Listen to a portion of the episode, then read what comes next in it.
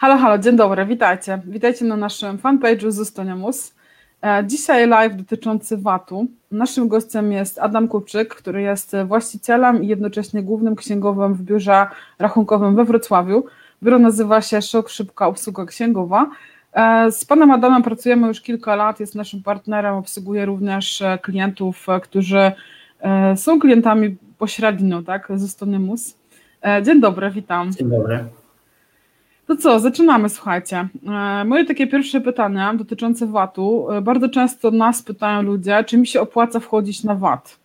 E, I moje pierwsze pytanie jest jakby z Pana doświadczenia, no bo dzisiaj tych klientów jest dużo. W których branżach warto wchodzić na VAT od razu, a w których branżach lepiej chwilę poczekać albo poczekać do momentu, aż się przerzuci ten limit, tak, 200 tysięcy złotych?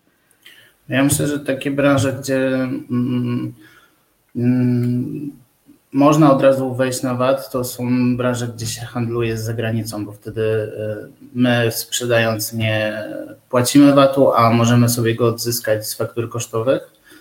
E, generalnie w 90% przypadków nie opłaca się wchodzić na VAT, bo niestety każdy ma raczej większą sprzedaż prowadząc firmę niż koszty, a to samo przez się rodzi obowiązek zapłaty podatku VAT no i też trzeba pamiętać, że są branże, które nie mają wyboru być watowcem albo nie być, tylko muszą być watowcem. I tutaj chodzi przede wszystkim o jakieś usługi doradcze, prawne i tak dalej. Ci wszyscy mm, od pierwszego dnia działalności muszą wystawiać faktury z VAT-em i się rozliczać z tego.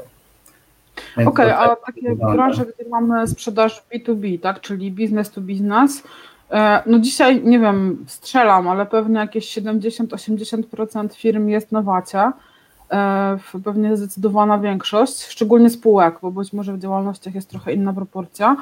No i e, spotkałam się też z tym, że jak ktoś nie jest watowcem, to no, klienci robią problemy, no bo nie mają watu kosztowego, tak, no bo w momencie, kiedy ja nie jestem watowcem, no to wystawiam fakturę i nie mam tam watu, tym samym po drugiej stronie nie ma kosztu watowego, no i się wkurzają ludzie. Tak, ale tak naprawdę ten VAT, e, tak naprawdę VAT powinien być podatkiem neutralnym, czyli klient nam płaci go dodatkowo, a my go dodatkowo płacimy do urzędu. Nie powinien nas obciążać, aczkolwiek w praktyce wygląda to tak, że niektóre firmy reagują nerwowo, jeśli ktoś nie jest VAT-owcem, bo oni sobie teoretycznie nie mogą tego odliczyć. Tylko też trzeba wziąć pod uwagę, że dzięki temu może mamy po prostu niższą cenę za te usługi bo jak ktoś nie jest VAT-owcem, nie musi doliczyć VAT-u i ceny mamy tak jakby promocyjne. Znaczy, no ja właśnie często klientom mówię, że z VAT-em jest tak, że tyle ile się wlało, tyle się musi wylać i teraz bez względu na to, czy on się wylewa do klienta w fakturze, czy do urzędu skarbowego, no to tak czy owak się musi wylać, nie? E, tak, e, tak to zwykle klientom tłumaczę i to, że ktoś nam wystawia fakturę bez VAT-u, to różnica jest tylko taka, że zapłacimy zamiast do klienta, to do urzędu skarbowego tą samą kwotę. E, więc de facto e, ekonomicznie wychodzi na to samo. E, a czy ma Pan jakąś taką poradę, bo bardzo wiele przedsiębiorców nadal jest zdziwionych, tak, jak dostają informacje z księgowości, ile oni to VAT-u mają do zapłacenia za poprzedni miesiąc. I często słyszę panika, ale przecież ja tych pieniędzy nie mam. I teraz oczywiście te konta VAT-owe, do których nas zmuszono, tak, trochę uregulowały tę sytuację, ale pytanie, jak nad tym zapanować, nie? tak z perspektywy przedsiębiorcy. E, co on może zrobić, żeby ta kwota go przestała zaskakiwać? Bo no nie ciągle myślę, że e, trzeba przejść na operowanie kwotami netto, czyli pomijać wszędzie VAT i jak dostajemy kwotę za fakturę z VAT-em, to ten VAT zostawiać na tym koncie. Ewentualnie po rozliczeniu miesiąca, jeśli wiemy już ile mamy zapłacić z tego VAT-u, to wtedy sobie różnicę zabrać ale chyba to jest najprostszy sposób, żeby właśnie operować kwotami netto, VAT pomijać przez cały miesiąc i dopiero z niego skorzystać na koniec miesiąca, jeśli coś zostanie. Wtedy mamy odłożoną kwotę e, e, całego VAT-u do zapłaty. Wiadomo, że e, jeśli mamy koszty, to tego VAT-u do zapłaty będzie mniej. No i tym, tym samym różnicę możemy skorzystać. Okej, okay. mamy też takich e, przedsiębiorców, którzy zarejestrowali się do VAT-u, bo im się wydawało, że muszą, e, z różnych powodów, ale wcale nie musieli. No i załóżmy, że w poprzednim roku mamy 2020, czyli w poprzednim roku 2019, e, no nie przerzucili tych obowiązkowych 200 tysięcy, czyli ich dochód, przepraszam, obrót, obrót był mniejszy, To pytanie, czy w 2019 roku mogło się tak, 20 jejku, przepraszam, czyli rok później, tak? Czy mogło się wyrejestrować tak bezkarnie z VAT-u? No właśnie to nie jest jednak takie oczywiste, bo można pomyśleć, że skoro nie przekroczyłem kwoty tej minimalnej, żeby wejść na, żeby nie być watowcem, to z dnia na dzień mogę zrezygnować i tyle. Niestety e, wygląda to tak, że zrezygnować możemy dopiero po pełnym roku, e, licząc od końca roku, w którym się zarejestrowaliśmy jako watowiec. Czyli jeżeli zarejestrowaliśmy się w połowie roku 2019 do VAT-u, mimo że nie przekroczyliśmy limitu, musimy cały rok 2020 być na VAT-ie i możemy dopiero od 2021 e, skorzystać ze zwolnienia i się wyrejestrować. Mhm. Okej, okay, czyli cały rok musimy czekać. E, a jeżeli chodzi o, o wyrejestrowanie, to jest tak, bo, mm, bo, z zarejestrowaniem jest tak, że w momencie, kiedy złożymy deklarację VAT-R, to od tego dnia rozliczamy się na VAT. Oczywiście czekamy, aż tam urząd nas zarejestruje. E, niektóre urzędy przeginają bardzo mocno i trwa to strasznie długo. E, nie powinno tak to wyglądać, no ale tak jest. Natomiast od pierwszego dnia jest jakby, no, rozliczamy się jako VAT-owiec, pomimo tego, że urząd jeszcze procedury nie ogarnął. A w drugą stronę jak to wygląda? E, czy jak się wyrejestrujemy, to jest tak samo, czy musimy czekać, aż urząd nas oficjalnie wyrejestruje? Nie, generalnie jeżeli spełniamy wszystkie przesłanki, żeby już nie być tym VAT-owcem, czyli minęło ten pełny rok, nie mamy obrotów i tak dalej, to jeżeli składamy rezygnację, to też się składa na druku VAT-Z, wyrejestrowujemy się, to od momentu wyrejestrowania e, już nie jesteśmy VAT-owcem, aczkolwiek z praktyki wiem, że urząd dzwoni, informuje, czy jest ok, czy nie jest ok, albo wydaje. Z reguły teraz dzwonią, mówiąc, że możemy albo nie możemy. A tak, tak w ramach ochrony RODO, tak? Tak, tak, tak, tak. Myślę, że to właśnie teraz przez pandemię są te telefony, ale no, troszkę to ułatwia życie, tak, mimo wszystko. Znaczy, no, pandemia pokazała, że da się wiele rzeczy załatwić e, telefonicznie, omija, om, mm, omijając przepisy tak, o, o RODO, e, tak. bądź też je trochę upraszczając, e, tak żeby sobie robić nie pod górkę. No dobra, to jak pytaliśmy o procedury wyrejestrowania, to teraz pytanie, jak powinna wzorcowo wyglądać procedura zarejestrowania do VAT-u, bo z tym jest ostatnio sporo problemów. Wiele firm tam musi składać jakieś dodatkowe dokumenty, wyjaśnienia, niektórzy są wzywani, żeby tłumaczyć się z adresu i tak dalej. I niestety ta praktyka jest teraz, e, tak jakby urzędy mają to sztampowo, że muszą weryfikować, wydzwaniają albo wysyłają pisma, aczkolwiek dalej e, wygląda to tak, że w świetle prawa jesteśmy VAT-owcem od momentu złożenia VAT-R. Czyli pierwszym takim etapem rejestracji jest wypełnienie VAT-R i złożenie go w urzędzie. Od następnego dnia stajemy się VAT-owcem. Jednak, żeby nasz urząd zarejestrował, wpisał na listę e, czynnych podatników VAT, e, mija czas, oni weryfikują, wysyłają właśnie pisma, gdzie trzeba wytłumaczyć, co będziemy robić, gdzie będziemy robić, czy mamy jak to robić. E, I dopiero po takiej weryfikacji przychodzą na miejsce, gdzie jest zarejestrowana firma, pytają, czy ta firma istnieje i tak dalej. Teraz chyba w świetle pandemii to trochę, trochę już mniej jest tych odwiedzin, ale pewnie znowu znowu taka praktyka będzie. I dopiero jeżeli urząd uzna, że faktycznie taka firma działa i możemy tutaj, e, mogą stwierdzić, że, że jest prawdziwa, to wtedy rejestrują nas do VAT-u. Do tego wszystkiego oprócz VAT-u R chcą tytuł prawny do lokalu, w którym jest firma, czyli musimy i tak pokazać albo umowę najmu, albo akt notarialny, jeśli to jest w naszym domu na przykład więc takie dokumenty trzeba i tak e, dołączyć. E, przy spółkach i przy rejestracji jeszcze jest wymagany NIP 8, który powinno się złożyć zaraz po zarejestrowaniu spółki, ale jak o tym zapomnieliśmy, to na pewno przy rejestracji do VAT-u nam o tym przypomną. E, I tak samo jest jeszcze in, mm, inaczej się rejestruje do VAT-u nowa firma, bo ona ma wybór, czy może się zarejestrować i wtedy rezygnuje ze zwolnienia, chyba że robi usługi doradcze, co już wspomniałem, no to nie ma wyboru i się rejestruje.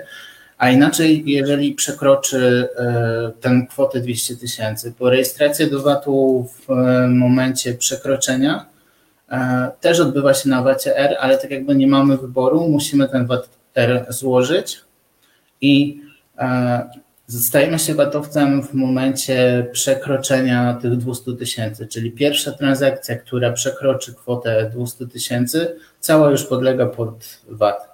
Wtedy niezależnie od tego, kiedy to się stanie i kiedy się zorientujemy, bo to czasem tak bywa, że e, dopiero księgowość jak rozlicza dany miesiąc, to się orientuje miesiąc później, że, że, to, przekroczenie, że to przekroczenie jest, no to wtedy ten VAT-R składamy z datą wsteczną rejestracji od momentu przekroczenia, dołączamy e, fakturę, którą przekroczyliśmy i tak samo procedura jest weryfikacji mimo wszystko.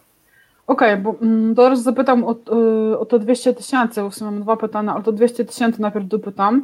E, czy to jest tak, że mamy sobie lipiec, nie wiem, dzisiaj jest 24 lipiec, wystawiamy fakturę przychodową, no i okazuje się, że to jest już ten, w tym momencie przekroczyliśmy 200 tysięcy, czyli od, od 24 lipca jakby jesteśmy zmuszani do tego, żeby być watowcami i to się liczy y, bez względu na to, który to jest moment miesiąca. Czy to nie jest tak, że od pierwszego następnego miesiąca, tylko, nie, tylko od razu? Zgodnie z przekroczeniem. Okej. Okay. Tego... Może nie uważać, bo to, to nie jest dobre słowo, ale w momencie, kiedy, nie wiem, mamy e, obrotu 150 tysięcy i nagle robimy jedną transakcję na 60 tysięcy, to ta cała transakcja na 60 tysięcy, która przekracza, musi być owatowana. Więc też można, tak naprawdę można jedną albo dwoma transakcjami wejść na VAT. No jedną na 39, a tak. drugą na resztę. Tak.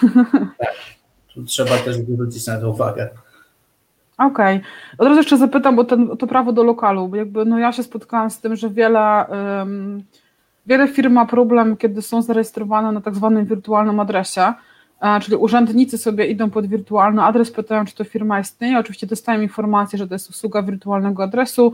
Umówmy się, że w wielu dużych miastach oni doskonale wiedzą, które to są adresy, tak więc czasami nawet nie chodzą. No teraz e, spotkałam się z tym, że firmom odmówiono rejestracji do VAT-u, dlatego że nie podali e, realnej siedziby.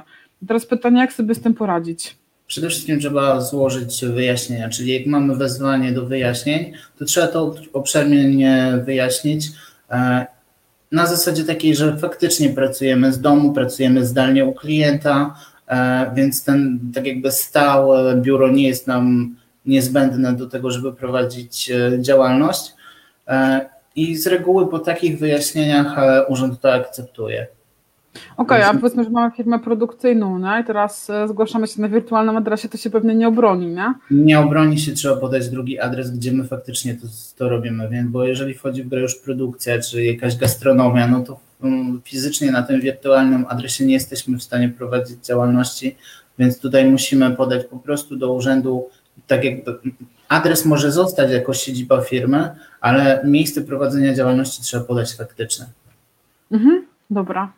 E, a jeżeli chodzi o, no tak, o działalności gospodarcze, no bo w momencie, kiedy działalność gospodarcza rejestruje się do VAT-u, no to bardzo dużo osób realnie pracuje w domu, tak? I no wchodzimy sobie do bloku, tak, mamy Jan Kowalski, numer 33, tak, wchodzimy, pukamy, nie ma tam żadnego szyldu, jakby po prostu człowiek pracuje sobie w domu. I teraz e, pytanie, e, w jaki sposób mamy udowodnić urzędnikowi, że ten lokal jakby jest lokalem, w którym można prowadzić działalność gospodarczą? No bo to jest lokal mieszkalny, w którym najczęściej mieszka cała rodzina i mamy tam jakieś wydzielone miejsce do pracy. No tutaj tak samo trzeba złożyć wyjaśnienie, że my tam pracujemy tak jakby zdalnie, tak, że niepotrzebna jest nam przestrzeń stricte biurowa, tylko wystarczy nam, nie wiem, biureczko albo nawet nie biureczko, tylko kanapa i komputer i my jesteśmy w stanie pracować. E, urząd teraz do tego stopnia jest e, dociekliwy, że na przykład każe, czy może pozwala nam wskazać kontrahentów, pokazać umowy, które zawarliśmy i to dla nich jest też dowód e, na to, że ta firma działa. Mhm, Okej, okay, czyli jakby takie firmy typu, nie wiem, programista, grafik, e, Dokładnie. fotograf, który robi zdjęcia gdzieś tam, ale później obrabia je najczęściej przy komputerze w domu, e, spokojnie się obroną, jeżeli chodzi tak, o taką tak. rejestrację. Tak. A jak wygląda Pana doświadczenie, jeżeli chodzi o podatek e, ten od nieruchomości? Nie? Bo chodzi mi o to, że jak rejestrujemy sobie firmę, nieważne czy to jest działalność, czy spółka w domu, no to teoretycznie lokal staje się użytkowy. E, I znaczy moje doświadczenia są takie, że urzędnicy na razie w tym nie grzebią. Natomiast... Dokładnie, ja też się nie spotkałem, żeby ktoś e, tutaj robił problemy, ale też trzeba zwrócić uwagę, żeby nie, nie brać na przykład kosztów na ten lokal, czyli my mamy tam tylko zarejestrowaną firmę, ale już e, nie bierzemy kosztów takich jak, nie wiem, środki czystości, e, jakiś prąd i tak dalej, nie wliczamy to w koszty firmy. E, w ten sposób pokazujemy, że tak naprawdę nie ma tam nic. Tam mamy tylko adres, my tam jesteśmy, ale nie używamy do działalności.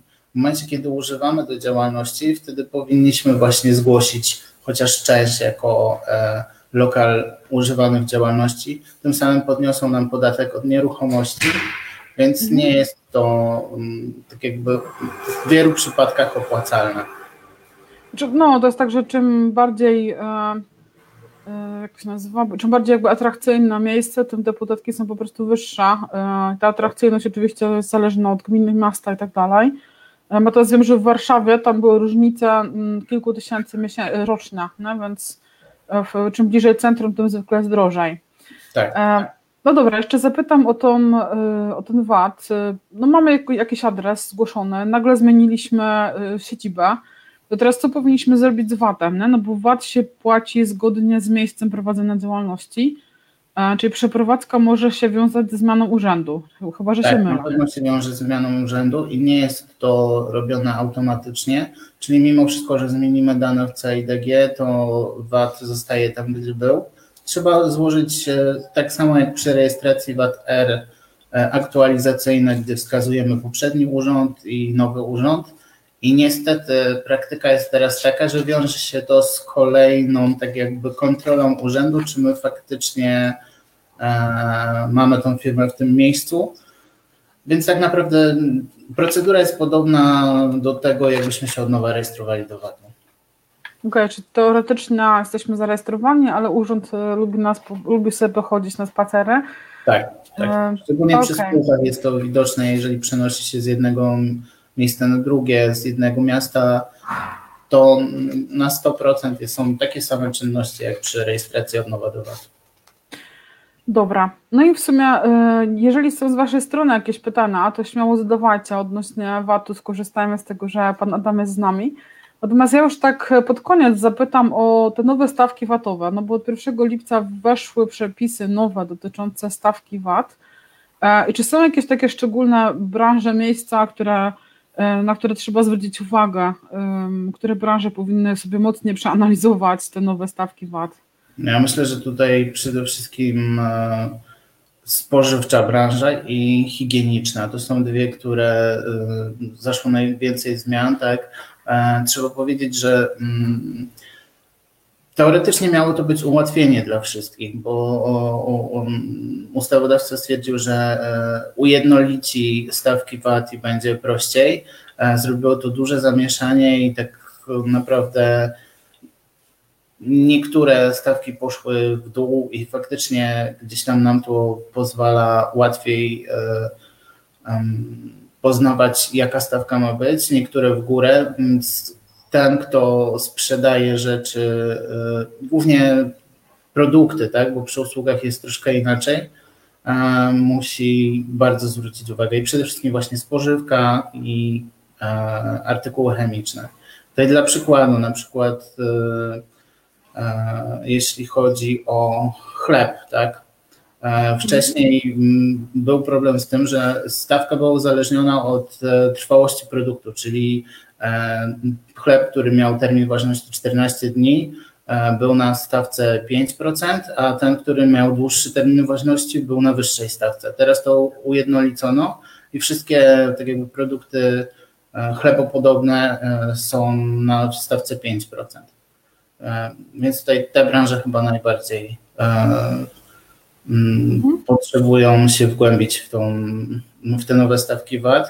Trzeba też zaznaczyć, że tak naprawdę to się zmieniło już od 1 listopada 2019, e, gdzie e, pierwsze branże, które miały zmienione stawki, to była prasa i e, wszystkie elektroniczne publikacje. Mhm.